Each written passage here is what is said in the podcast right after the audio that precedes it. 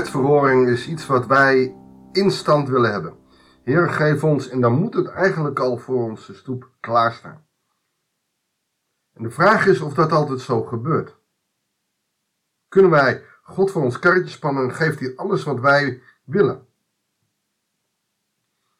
Moet je meer geduld hebben? Of gebeurt het anders dan jij zou willen?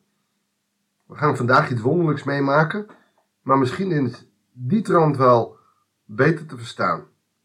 Goeiedag, hartelijk welkom bij een nieuwe uitzending van het Bijbels Dagboek. We lezen uh, eh, 2 Koningen 3, versen 20 tot en met 27. Dus dit hoofdstuk uit. De volgende morgen, op het uur van het graanoffer, kwam uit de richting van Edom plotseling water opzetten en in minder dan geen tijd stroomde de wadi vol water. Mannen zitten erin, ze kunnen drinken. Uh, drinken, dat betekent dat ze energie krijgen. Moabieten hadden gehoord dat de drie koningen tegen hen ten strijde waren getrokken en allen die oud genoeg waren om de wapens op te nemen, waren opgeroepen en aan de grens opgesteld. Toen zij diezelfde morgen opstonden, kleurde het eerste zonlicht en het water rood als bloed. En toen de Moabieten dat zagen, riepen ze uit, maar dat is bloed.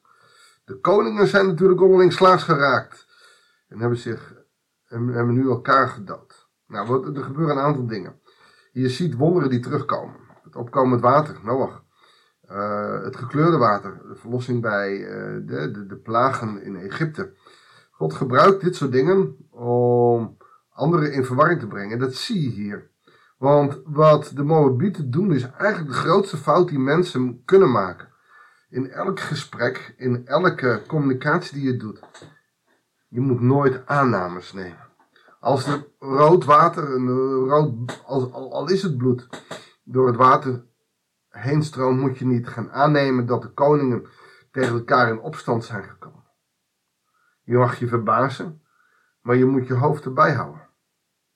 Maar nee, de Moabieten doen een aanname en zeggen erop af. Daar de buit. Toen de Moabieten bij het kamp van de Israëlieten kwamen, werden ze overrompeld. Zij waren van het drinken helemaal fit en energiek.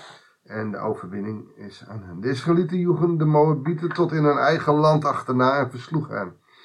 Ze verwoesten de steden, gooiden de vruchtbare akkers vol met stenen, opten alle waterbronnen dicht en velden elke vruchtboom. Geen oogst meer voor de Moabieten. Ten slotte stond alleen Kirgareset nog overeind.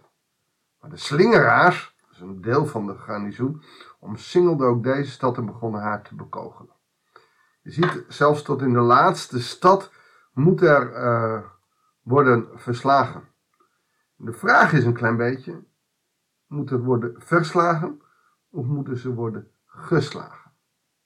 Overigens, de Israëlieten doet precies wat er in vers 19 wordt gezegd. Elke sterke vesting en elke mooie stad zult u verwoesten, elke vruchtboom vallen, elke waterbron dichtstoppen en elke vruchtbare akker volgooien met stenen. Hij zal de Moabieten aan u uitleveren. Moet je opletten wat er dan gebeurt. Toen de koning van Moab besefte dat hij de strijd ging verliezen, probeerde hij met 700 geoefende krijgers een uitbraak te doen, maar de koning van Edom of naar de koning van Edom om, om, om, vergeving te vragen of om, om je over te geven, maar dat was te vergeefs. En toen nam hij zijn oudste zoon zijn troon opvolgen en offerde hem als brandoffer op de stadsmuur. Dit is natuurlijk iets wat eigenlijk al sinds Abraham verboden is. Ik wil niet dat je mensenoffers maakt. En je ziet hier dus de climax van de afgoderij.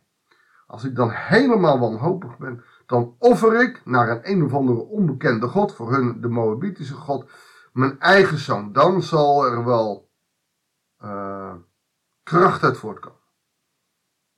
Daarop barstte er zo'n hevige toorn los tegen de Israëlieten, dat ze het beleg opbraken en naar hun eigen land terugkeerden. En dit is een vreemd vers. Daar hebben theologisch zich over Ze zijn in hun eigen land. Maar op een of andere manier breken ze dus uit. Ze krijgen zoveel energie dat hun leider hun, zijn zoon op, opoffert.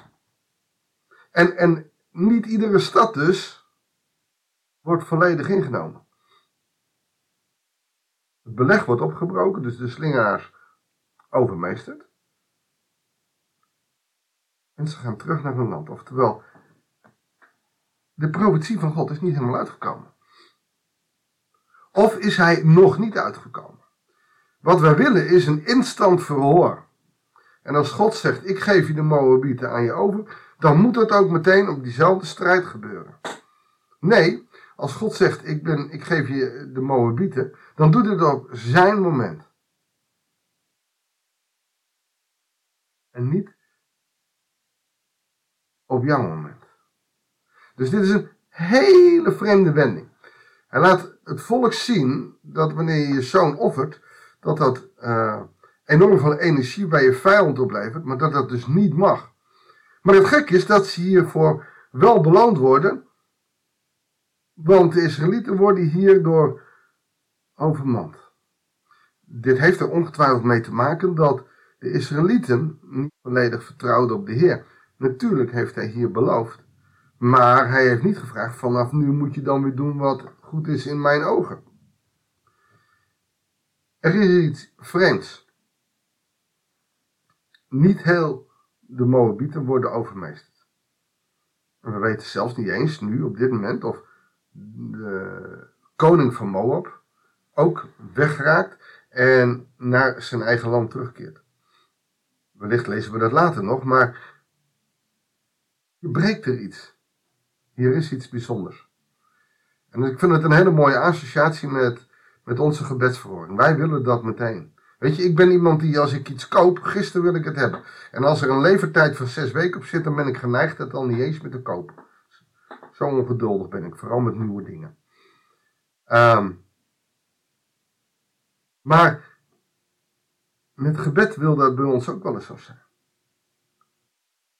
Toch een genezing gevraagd, waarom krijg ik dat niet? Allereerst de vraag, waarom krijg je het of zou je het wel krijgen? En de tweede vraag, zo ja, wanneer zou je het dan moeten krijgen? En ten derde, waarom zou je het moeten krijgen? Ten vierde, wie ben jij dat je het zou moeten krijgen? Daar zitten zoveel haken en ogen aan, dat ik in mijn eigen persoonlijk geloof moeite heb om genezing over iemand uit te spreken in Jezus' naam. Terwijl er in de Bijbel ook staat dat we uit mogen spreken dat in Jezus' naam. Wanneer durf je ergens uit te stappen of niet? En hoe sterk durf je dat te doen? Voor mij geldt dan altijd niet mij wil, maar u wil geschieden. Om dat erbij te bidden. Want ik kan God niet voor zijn karretje spannen. Als hij zorgt dat de Moabieten hier nog uit kunnen breken. En dat dat beleg dus breekt. Dan heeft hij daar klaarblijkelijk een bedoeling mee. En dan laat hij aan Israël zien. Nu niet. Niet geheel. Ik heb het beloofd. Het geduld van jou zal op de proef gesteld worden. Dat is het bizarre van dit gedeelte. Maar eigenlijk ook wel verhelderend. God laat zich niet voor een karretje spannen. Hij wil dat wij afhankelijk worden van Hem. En dat, mijn lieve mensen, is een van de moeilijkste dingen die we in onze geloof tegen kunnen komen. Bidden. We danken u voor het gedeelte van vandaag, ook voor de plotselinge wending die we hier krijgen. Als, als u belooft dat de Moabieten overvallen zullen worden. En dan opeens is er helemaal, helemaal een plotwending waarop niet het hele volk. Doet u dan niet wat u belooft of doet u op uw eigen tijd wat u denkt dat goed is? Heer, leer ons als mensen u niet voor ons karretje te spannen, maar geduldig te zijn, te bidden. Geloven dat u, als het goed is, dingen doet. En leer ons zo op u te vertrouwen. En niet om u te claimen voor alles wat wij willen.